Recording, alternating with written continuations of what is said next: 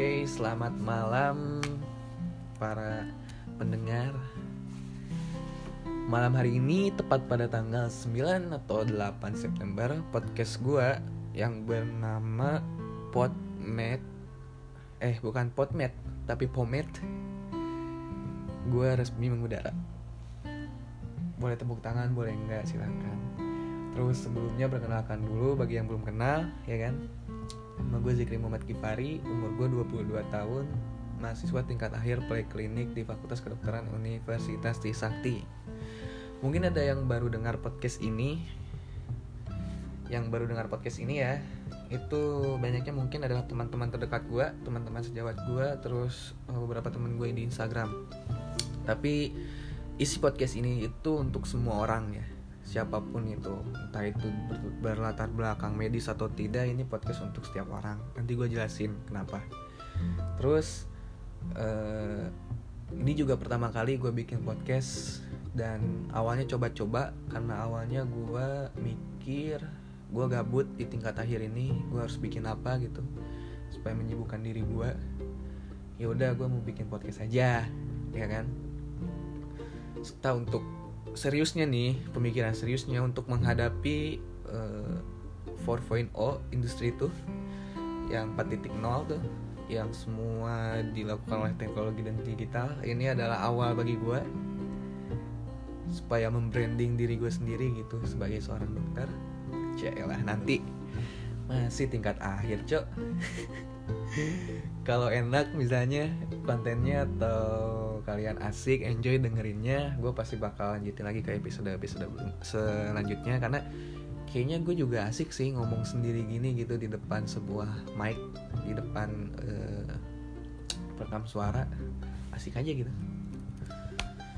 Gue harap kalian juga enjoy dengerinnya ya. Gitu. Lalu gue akan cerita sedikit tentang podcast ini. Jadi awalnya gue tadi pengen bikin podcast menghadap menghadap 4.0 dan karena gabut tapi gue bingung gitu gue mau bikin apa ya? Konten podcast ini tuh isinya apa ya? Hingga akhirnya gue bertanya kepada teman gue kayak cuy gue mau bikin podcast isinya apa ya? Hmm, gue ngalor ngidul tuh gimana kok gue bikin ini gue gue bikin ini gue bikin ini? Gitu kan ke teman gue teman gue kayak diem aja kayak aduh cik kayaknya gak bakal ada yang ada yang dengerin iya sih. Mungkin podcast ini juga gue bikin gak yang dengerin anjing.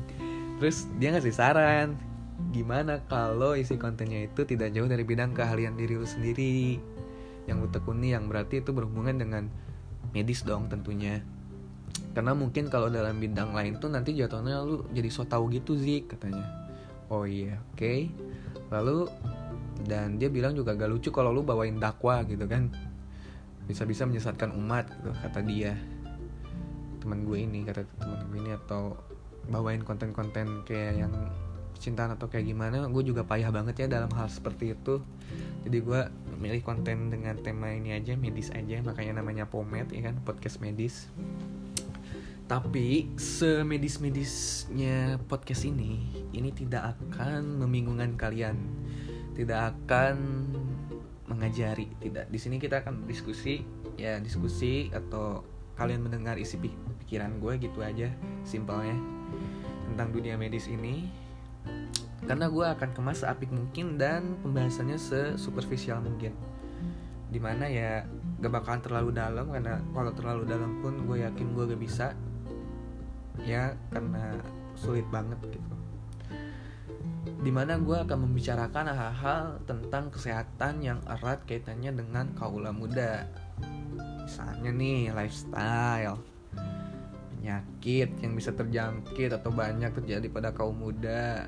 Terus kebijakan kebijakan kebijakan tentang kesehatan ini gue masukin karena gue salah satu orang yang sangat sangat menunggu arahan dari Kementerian Kesehatan dan Bapak Presiden. Makanya kebijakan kebijakannya ini selalu gue pantau ya apakah baik atau tidak. Menurut gue sendiri lalu perkembangan ilmu pengetahuan kedokteran terbaru ini kita harus selalu update sih. Makanya gue masukin hal-hal seperti ini itu akan kita ulik ya seulik-uliknya kita ulik seasik-asiknya dan ya pembahasannya kayak santai gitu. Dan akan gue bawakan secara tadi santai dan ringan ya. Dalam pembahasannya itu asik karena gue akan kaitkan gue akan relate ke kehidupan kehidupan keseharian kita kayak film atau pengalaman. Contoh misalnya tuh banyak banget film-film yang uh, menerangkan tentang uh, penyakit. Misalnya kemarin split atau apa ya? Yang bipolar itu. Yang banyak kepribadian gitu kan. Itu sebenarnya belajar gitu di medis gitu. Itu ada ada hubungan maksudnya bukan ada hubungannya itu ada salah, salah satu penyakit atau gangguan jiwa yang gue pelajarin juga di uh, sekolah gue gitu di perkuliahan gue gitu. Atau pengalaman-pengalaman atau misalnya ada yang mau cerita nih uh, eh, gue pernah mengalami penyakit ini terus mau berbagi atau cerita ya boleh lah. Tapi gue kayaknya masih mau monolog dulu untuk podcast ini. Atau pengalaman yang akan gue bagiin adalah pengalaman-pengalaman yang dekat aja atau terjadi pada gue sendiri gitu. E, lalu sebenarnya gue gak bakalan panjang lebar karena kita akan masuk ke episode pertama. Jadi tadi hanya prolog gitu kan untuk podcast ini. Karena ini sudah menghabiskan 6 menit ya kita akan mulai ke podcast uh, pertama kita podcast pertama gua Pomade di episode pertama ini yang akan membahas tentang skizofrenia. Bentar gue kasih flag dulu. Oke, udah di flag, ditandain. Jadi episode pertama ini menurut gue sangat umum dan selalu menarik, yaitu skizofrenia. Udah pada denger lah skizofrenia kayak gimana ya? Banyak juga yang kayak misalnya wah skizofrenia nih atau uh, bagus gitu kan namanya kan. Ya gue gue gue bilang sih udah bagus sih nama, nama penyakitnya skizofrenia gitu kan. Lalu kalian cari di Google gitu kalian baca ya kan? Atau kalian nonton nonton film tentang skizofrenia itu banyak sebenarnya. Ya kan? Banyak sekali film-film yang mengaitkan tentang skizofrenia ini. Ya di sini gue bahas superficialnya aja. Gue gak bakal bahas filmnya kebanyakan Lalu skizofrenia ini menurut definisi ya, definisi secara medis adalah gangguan jiwa yang kompleks dengan berbagai ekspresi fenotip seperti halusinasi, delusi, waham dan lain-lain dikarenakan pikiran yang terdistorsi gitu. Jadi karena gejalanya banyak gitu skizofrenia ini. Halusinasi, delusi, waham dan lain-lain. Makanya ya kompleks dan menyenangkan sebenarnya untuk dibahas gitu.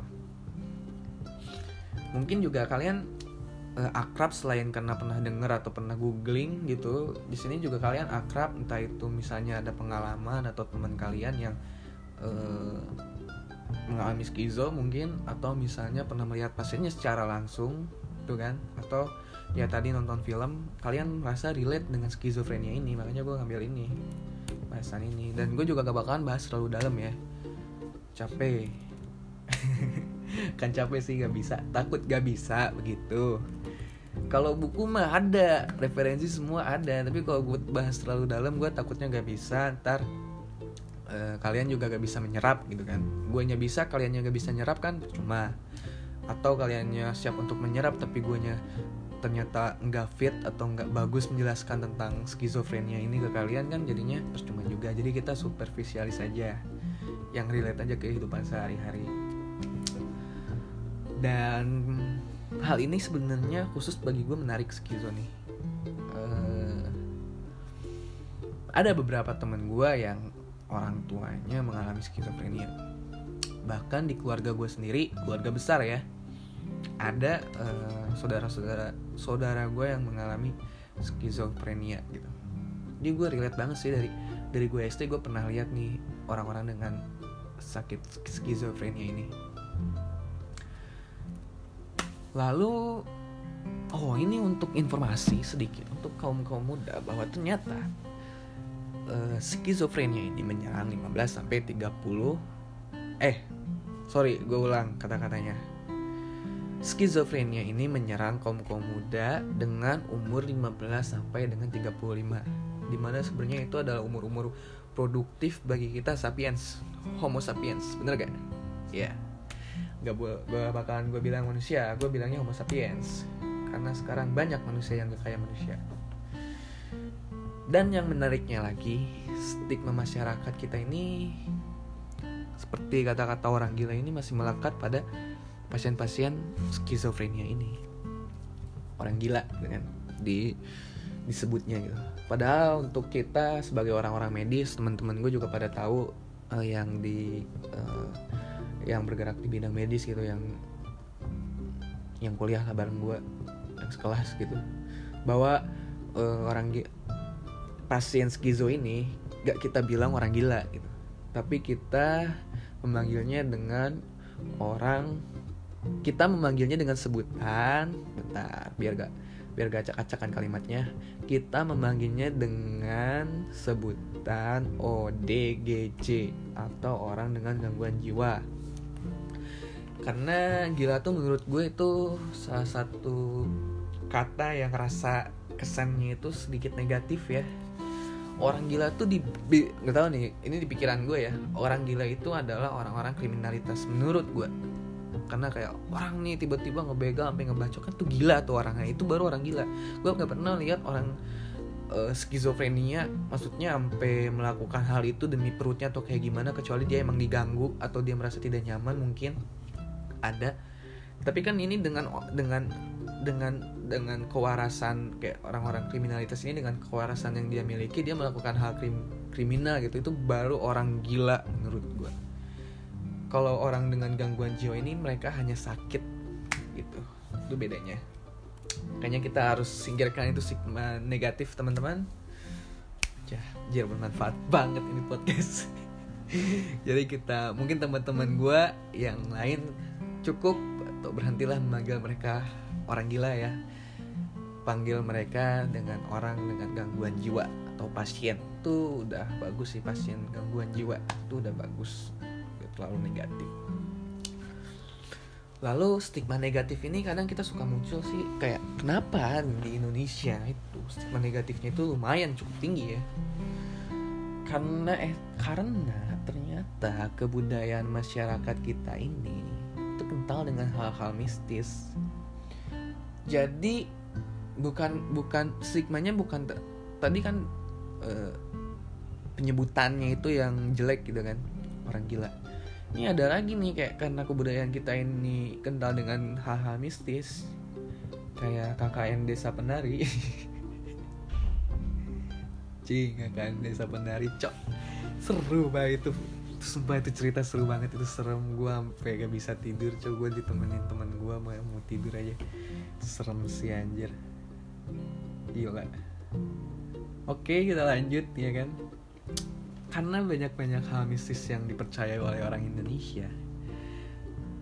Misalnya nih kayak ini orang kayak wah ber, uh, mengalami gangguan jiwa. Wah ini karena disantet nih. Pasti karena diguna-guna nih apa pun itu padahal sebenarnya hal-hal seperti itu tuh masih bisa kita buktikan secara medis. Karena gue mempelajari itu gitu. Gue mempelajari tentang bipolar misalnya tentang skizofrenia gitu. Tapi stigma masyarakat ya masih gitu masih mistisnya masih uh, kuat gitu. Bu, gue bukannya gak percaya sama mistisnya atau hal-hal yang asal gitu gue percaya.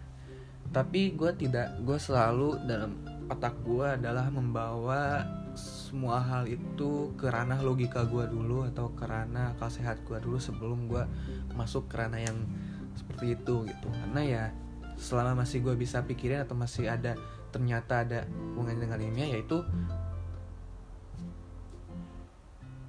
itu adalah ilmu pengetahuan gitu. Itu adalah suatu hal yang harus lu cari tahu gitu. Bukannya lu kasih ke hal-hal mistis kayak gitu atau kayak gimana itu kayak kurang apa? Kurang kurang ilmiah lah gitu. Parahnya lagi nih WHO hmm, sorry. Parahnya lagi WHO mengatakan bahwa uh, stigma negatif tadi itu. Pertama terus diskriminasi dan pelanggaran hak asasi manusia ini adalah hal yang umum yang terjadi pada penderita skizofrenia ini. Umum coy. WHO bilang, jadi bukan mungkin bukan cuma di Indonesia ya. Bisa aja di negara-negara maju mungkin, tapi mungkin lebih banyaknya di negara-negara berkembang stigma negatif, diskriminasi dan pelanggaran hak asasi manusia ini bisa terjadi loh sama pasien pasien-pasien skizofrenia padahal sebenarnya mereka sama seperti kita manusia gitu cuman mereka keadaannya sakit apa bedanya sih manusia yang sakit flu sama sakit uh, apa? Orang yang sakit flu sama sakit skizofrenia. Lu kan nggak mungkin kayak mendiskriminasi orang-orang sakit flu itu kan enggak gitu.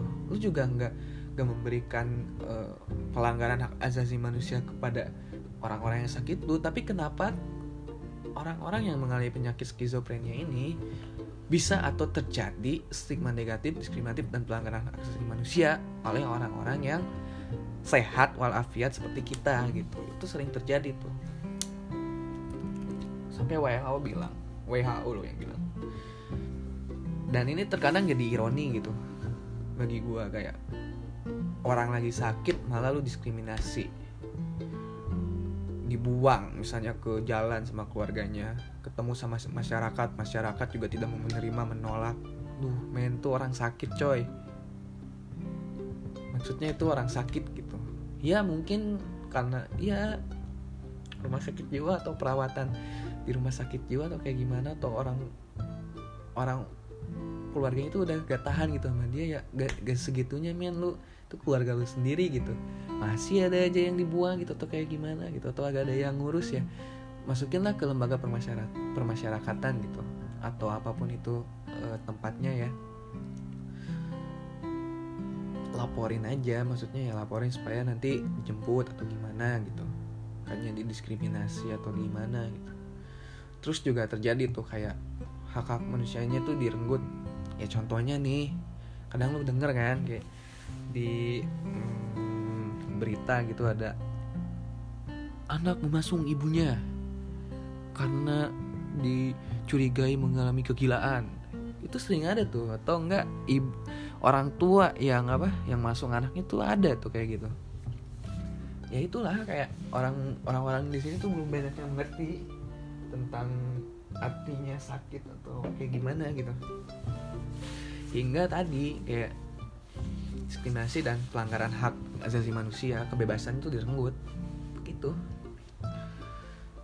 kadang gue suka mikir kayak duh jangan-jangan ini yang gila sebenarnya nih yang masuk atau yang buang gitu kan kayak begal tadi misalnya. Kriminalitas. Ya kayak kebalik gitulah kayak mereka sebenarnya yang yang yang yang merenggut hak asasi manusia orang terus yang mendiskriminasi orang-orang itu yang sebenarnya orang gila gitu. Yang kriminal tuh orang gila gitu. Kalau orang dengan gangguan jiwa ini atau orang skizofrenia ini nggak nggak gila gitu. Mereka cuma sakit.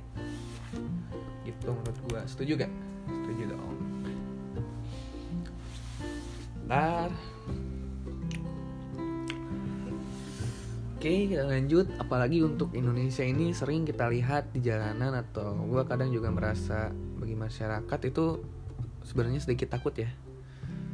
Uh, Kadang suka ada rasa takut Makanya kita mendiskriminasi gitu. Tapi setelah gue belajar lebih dalam tentang psikiatri itu sebenarnya tuh nggak harus ditakuti gitu. Dan karena mereka pun gue nggak pernah tuh lihat orang gila gitu sampai nyerang sampai nyerang-nyerang se se parah-parahnya itu lebih banyak orang normal sebenarnya yang menyakiti manusia lainnya gitu. Yang menyerang manusia lainnya seperti begal begal tuh bisa dua mungkin atau tiga kali seminggu ya. Orang gila mana ada seminggu sekali sebulan sekali atau setahun sekali. Nggak ada kan? Maksudnya ya dikit lah gitu. Mana mereka tuh yang gila beneran. Jadi kadang eh, stigma negatif ini membuat masyarakat tuh jadi takut gitu. Padahal sebenarnya tidak tidak percaya percayalah tidak semuanya seperti itu gitu. Pemerintah juga harus ikut andil sih dalam hal ini. Seperti ya udah harus dikumpulin mereka tuh dibikinin pelayanan-pelayanan masyarakat untuk mereka gitu kan. Kalau misalnya resti mahal atau kayak gimana keluarga sudah tidak ada yang mengakui atau kayak gimana itu itu peran pemerintah juga gitu untuk menyediakan uh, ruang bagi mereka gitu untuk menciptakan uh, tempat berteduh bagi mereka. Karena sebenarnya kasihan ya mereka itu. Udah sakit dibuang lagi oleh keluarganya. Terus di sini gejalanya sungguh variatif ya skizofrenia ini. Ada halusinasi pembicaraan dan perilaku yang disorganisasi lalu berkurangnya ekspresi emosi gitu kan kayak tanpa emosi. Terus bisa juga terjadi defisit memori kerja. Gejala ini dapat berubah-ubah tergantung stadium penyakitnya itu sendiri. Dan untuk informasi juga bahwa ternyata uh, ada kaitannya ya penyakit ini dengan uh, genetika atau kecenderungan pada keluarga genetik juga gitu. Dan sebenarnya penyakit ini banyak sekali jenisnya ya gue yang gue pelajari banyak itu ada skizoni skizofrenia katatonik ada skizofrenia paranoid itu banyak sekali jenisnya. Dan saling berbeda dengan satu antar satu dan yang lainnya. Tapi itu hanya untuk konsumsi gue dan untuk teman-teman gue sejawat para dokter. Tidak untuk konsumsi yang lain. Ya ya boleh kalian untuk belajar itu ya boleh tapi ya berat juga gitu ngapain juga gitu jadi gue gak bakalan bahas di sini karena di sini pembahasannya superficialis banget. Terus di sini gue beruntung sekali karena menemukan uh, salah satu konten ya di YouTube. Kalian bisa denger nih gue kasih denger. Ada salah satu konten di YouTube yang mempresentasikan pengalaman atau penderita skizo yang sangat uh, ngeri sih menurut gue ya. Jadi itu bentuknya itu seperti rekaman-rekaman yang didengar oleh para uh, penderita skizofrenia. Nah, gue akan memperlihatkan atau memperdengarkan sedikit kepada kalian, tetapi tidak akan semuanya gue kasih ke kalian. Kalian bisa cek sendiri di channel YouTube-nya di Menjadi Manusia. Channel Menjadi Manusia ya skizofrenia ini. Di sana ada ini nomor 32 kayaknya ya. Ini channel bagus sih. Gue suka merasakan yang dialami oleh orang yang skizofrenia skizofrenia ya. Ini kalian bisa denger tuh. Gue kemarin kemarin kemarin sempat denger dan wah gila sih. Ngeri lah maksudnya kayak kalau lu mengalami ini apa yang akan lu lakuin gitu itu sih pertanyaannya ntar uh, sebentar gue akan kasih dengar ke kalian. Bentar. Oke. Ada iklannya dulu. Biasa. Bentar ya gue skip dulu. Nah sini kalian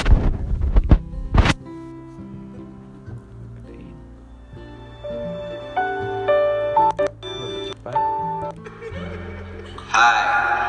Hai, bangun sekarang. Jangan, mimpimu belum selesai. Jangan angkat telepon itu. Angkat aja, kenapa dibuat susah? Hak kamu, angkatlah. Kalau itu penting, gimana? Kamu gak punya teman. Jangan, tapi terserah deh.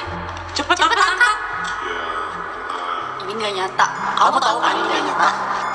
Itu mungkin telepon dari orang-orang yang pernah menuduh kamu kemarin. Ingat kan? Iya, dia. Kesalahan seseorang jangan terlalu lama dipendam, lebih baik dibicarakan. Angkat. Cil, nggak perlu deh. Lebih baik sekarang mandi, siap-siap, berangkat kerja. Gak usah diangkat, lupain aja. Tidak ada artinya buatmu. Tapi terserah kamu, hak kamu untuk memutuskan. Angkat saja teleponnya sekarang, lalu kamu...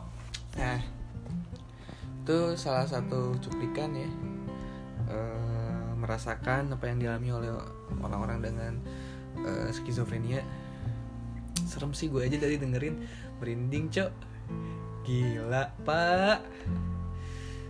Coba lu bayangin lu melak lu mengalami hal seperti itu ya tiap kali lu bangun atau lu mau tidur wah gila sih itu stres banget pasti stres banget itu pasti nah kalau kalian mau mau lihat lanjutannya atau lebih mendalam lagi ya mendengarkannya lu cek aja di YouTube ada kok.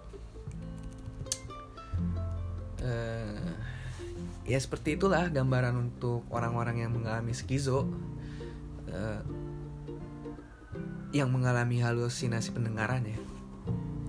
Karena gue harap setelah kalian dengerin tadi itu kalian bisa lebih menghargai orang-orang atau mereka-mereka yang kurang beruntung dan harus mengalaminya. Gitu eh, contoh tadi itu merupakan gangguan persepsi itu halusinasi. Memang yang paling sering itu dalam bentuk pendengaran ya. Sampai kan ada kasus tuh eh, salah satu pelukis terkenal Van Gogh gitu. Van Gogh gue gak ngerti gimana ngomongnya. Van Gogh yang gue tahu yang dia tuh memotong telinganya sendiri gitu. Mungkin karena dia udah gak tahan dengan suara-suara seperti itu hingga dia memotong telinganya sendiri. Seremen gitu kayak hmm bisa terjadi gitu pada orang. Dan ya bersyukurlah kita semua bisa di- diberikan kesehatan kita mengalaminya. Terus juga halusinasinya juga bisa berbentuk yang lainnya seperti bisa berbentuk penglihatan ada atau penciuman kayak artis-artis tuh yang kayak di antv yang saya mencium aroma aroma Kalau ya mah itulah yang dia berhalusinasi tentang aroma aroma. Itu penciuman kayaknya dia juga skizo sih. Roy Kyoko ya eh gak tahu gue siapa sih. Ya semoga aja itu penciuman yang benar-benar penciuman ya. Bukan halusinasi. Isinya bisa berupa ancaman perintah yang terasa begitu nyata sebenarnya.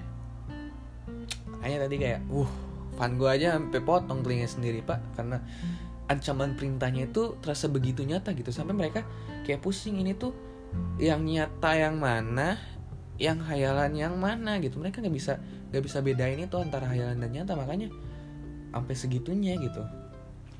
Fasenya itu banyak ya kak. Ini lebih ke medisnya sih. Lebih ke konsumsi gua gitu. Kayak fase akut fase residual kayak gitu. Gak bakal gua bahas harus juga. Pokoknya adalah ada ada fase di mana orang skizo ini akan memperlihatkan gejala penyakitnya itu. Biasanya ringan dulu. Biasanya nih gejalanya terlihat jelas oleh orang-orang di sekitarnya. Makanya kita diajarkan untuk peka terhadap lingkungan sekitar. Bukan bukan cuma nama cewek. Hai lu peka. Kayaknya cewek-cewek melatih kita ya untuk bisa lebih peka tuh untuk lebih peka terhadap lingkungan tuh sebenarnya itu bagus gitu dan baik gitu masalahnya gue gak peka-peka gitu. Nggak ada pekok oke termejanya aduh kacau banget dah. Ini gejala-gejala ini biasa terlihat jelas oleh orang-orang di sekitar dia gitu. Pasien itu dapat kehilangan pekerjaan atau temannya itu secara langsung gitu. Kayak tiba-tiba dia hilang pekerjaan atau tidak fokus dalam pekerjaan dia dia hilang teman hilang berminat untuk berteman.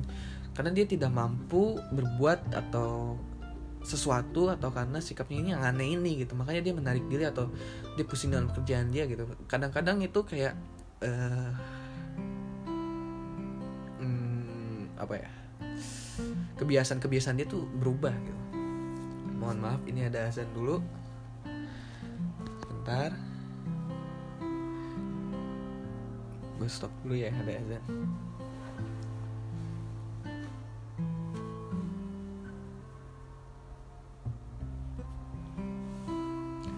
mungkin nanti bisa dipercepat aja ke tiga atau dua menit berikutnya karena gue masih belum bisa ngeditnya di eh, iPhone ini. Kalau bisa gue edit gue editin tapi kalau nggak bisa bisa dipercepat aja. Sebentar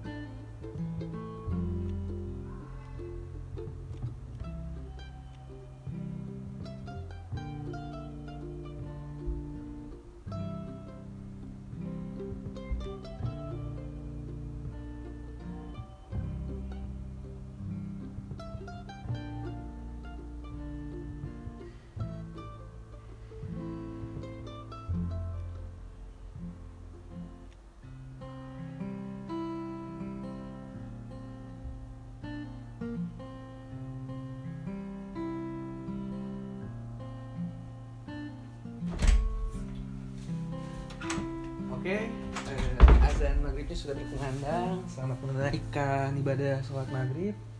Gue lanjutin dulu podcastnya karena sebentar lagi akan selesai. Balik tadi ke fase mm, ringan ya, fase residual itu biasanya terlihat kayak eh, dia kehilangan pekerjaan atau teman-temannya karena dia tidak berminat dan tidak mampu berbuat sesuatu karena sikapnya yang aneh, tiba-tiba aneh ini pemikiran dan pembicaraannya juga jadi samar-samar kadang tidak dapat dimengerti juga. Mereka ini meyakini bahwa sesuatu atau mereka mempunyai sesuatu kekuatan juga bisa. Boom karena mereka merasa itu nyata gitu. Mereka punya kekuatan misalnya nih mereka lu gue punya kekuatan bisa mengendalikan air gitu kan. Kayak avatar kayak gimana tuh ada orang kayak gitu gitu. Kekuatan apa pun itu. Terus eh, kaitannya yang menarik skizo ini adalah ke percobaan bunuh diri ya. Atau suicide ini gue akan liatin sedikit tentang beberapa eh, penelitiannya. Kenapa orang bisa orang skizofrenia ini ada yang bunuh diri gitu. Karena eh, beberapa riset kecil-kecilan gue lewat jurnal itu eh, tingkat bunuh diri di antara pasien skizofrenia ini tingkat bunuh dirinya ini adalah 10% ya. Itu menurut penelitian di tahun 1977 tapi di sini ada penelitian terbaru terbaru yang gue dapat di sini 2005 kalau misalnya ada teman sejawat gue yang dapat silahkan si tahu. Telah em, menghitung bahwa eh, risiko bunuh diri dari skizofrenia ini sekitar 49% gede juga ya. Makanya banyak orang yang eh, mungkin mengalami malah jadi eh, bunuh diri gitu. Apalagi fase-fase pertama seperti gangguan gangguan-gangguan halusinasi itu sampai bisa menyakiti diri mereka sendiri. Kayak tadi Van Gogh tuh potong telinganya sendirian. Eh gue cerita pengalaman dikit tentang temen gue juga ya. Bukan temen gue sih. Kayak gue pernah dengar cerita dari temen gue bahwa ada temennya yang eh, ibunya mengalami skizofrenia. Ya eh, kita doakan aja semoga beliau eh, diterima di sisinya karena cerita itu gue dengar ternyata ibunya telah meninggal dunia. Semoga eh, diampuni ditempatkan di tempat terbaik ya. Jadi eh, dia itu hidup hanya berdua dengan ayah dan eh, bertiga apa berdua apa berempat pokoknya ya mereka keluarga kecil gitu di mana ibunya mengalami skizofrenia. Eh, yang terbaik dari cerita ini adalah keluarga ini keluarganya ini sangat sangat sayang sekali terhadap eh, ibunya yang mengalami skizofrenia. Meskipun ibunya telah lupa karena tadi kan kita belajar bahwa ternyata ada defisit memori juga yang terjadi pada pasien ini gitu. Ibunya udah lupa siapa anaknya dan siapa mungkin suaminya gitu kan. Tapi di sini cerita dari teman gue ini sangat eh, mengetuk pintu hati gue sehingga hmm, harusnya orang Indonesia atau ketika ada keluarga yang mengalami hal seperti itu tidak sebaiknya lah tidak dialognya untuk buang ke jalan kayak gimana ya. Sampai akhirnya di akhir hayatnya mereka masih eh, bersama dengan ibunya gitu. Diceritakan bahwa ternyata sering kali si eh, orang ini tuh melihat ibunya sedang berbicara sendiri terus ibunya sering mencoba untuk bunuh diri lalu ibunya sering eh, kabur dari rumah dan lain-lain tuh terjadi gitu sama orang ini. Eh, sehingga akhirnya katanya hmm, pernah suatu ketika gue udah lupa ceritanya kayak gimana ya pokoknya tuh udah parah banget tuh. Sampai anaknya tuh bilang kayak mah masih inget gak sama ini masih inget gak? No, sampai dia nangis nangis gitu lah. Pokoknya ya banyak banget gitu pengalaman yang terjadi sama pasien skizo ini. Malah kayak menyentuh hati banget gitu. Apa rasanya dilupain dengan dilupain atau tidak dianggap atau melihat orang tua sendiri mengalami hal seperti itu kan? Kadang sakit pilek aja liatnya kita suka lihat tega ya apalagi mengalami, mengalami hal penyakit yang cukup berat sih menurut gua gitu. Karena ya susah untuk bisa kembali meskipun dengan obat-obat antipsikotik gitu. Susah untuk sembuh gitu. Tapi ada juga yang sembuh gitu. Tapi ya mungkin ya susah lah gitu. Eh, terus juga ada cerita bahwa seorang istri eh, menerima keadaan suaminya yang terkena skizofrenia. Itu ada ceritanya gitu. Ya banyak lah cerita-cerita tentang skizofrenia ini. Dan yang harus kita ambil adalah eh, bahwa tidak semua atau beberapa orang yang mengalami gangguan jiwa ini harus di harus didiskriminasi gitu atau dia di eh, asingkan. Karena pada terapinya juga pada eh, terapinya ini ya kedokteran juga peran keluarga itu sangat penting demi kesembuhan orang-orang yang mengalami eh, gangguan jiwa ini gitu. Support keluarga tuh benar-benar harus di lini utama sih menurut gua gitu. Di samping obat. Karena ya siapa lagi yang akan mengurus mereka gitu untuk orang-orang gangguan jiwa ini selain keluarganya atau eh, orang-orang terdekat dia gitu itu sih dikit dari gue tentang skizofrenia. Ya kan nggak terlalu dalam kan? Eh, superficial superficial aja gitu. Ini juga podcastnya gue gak mau panjang-panjang. Sampai sejam. Kayak dosen ngajar cukup setengah jam aja. Berbagi tentang apa sih skizofrenia dan apa yang gue pelajari gitu dari skizofrenia ini. Terima kasih.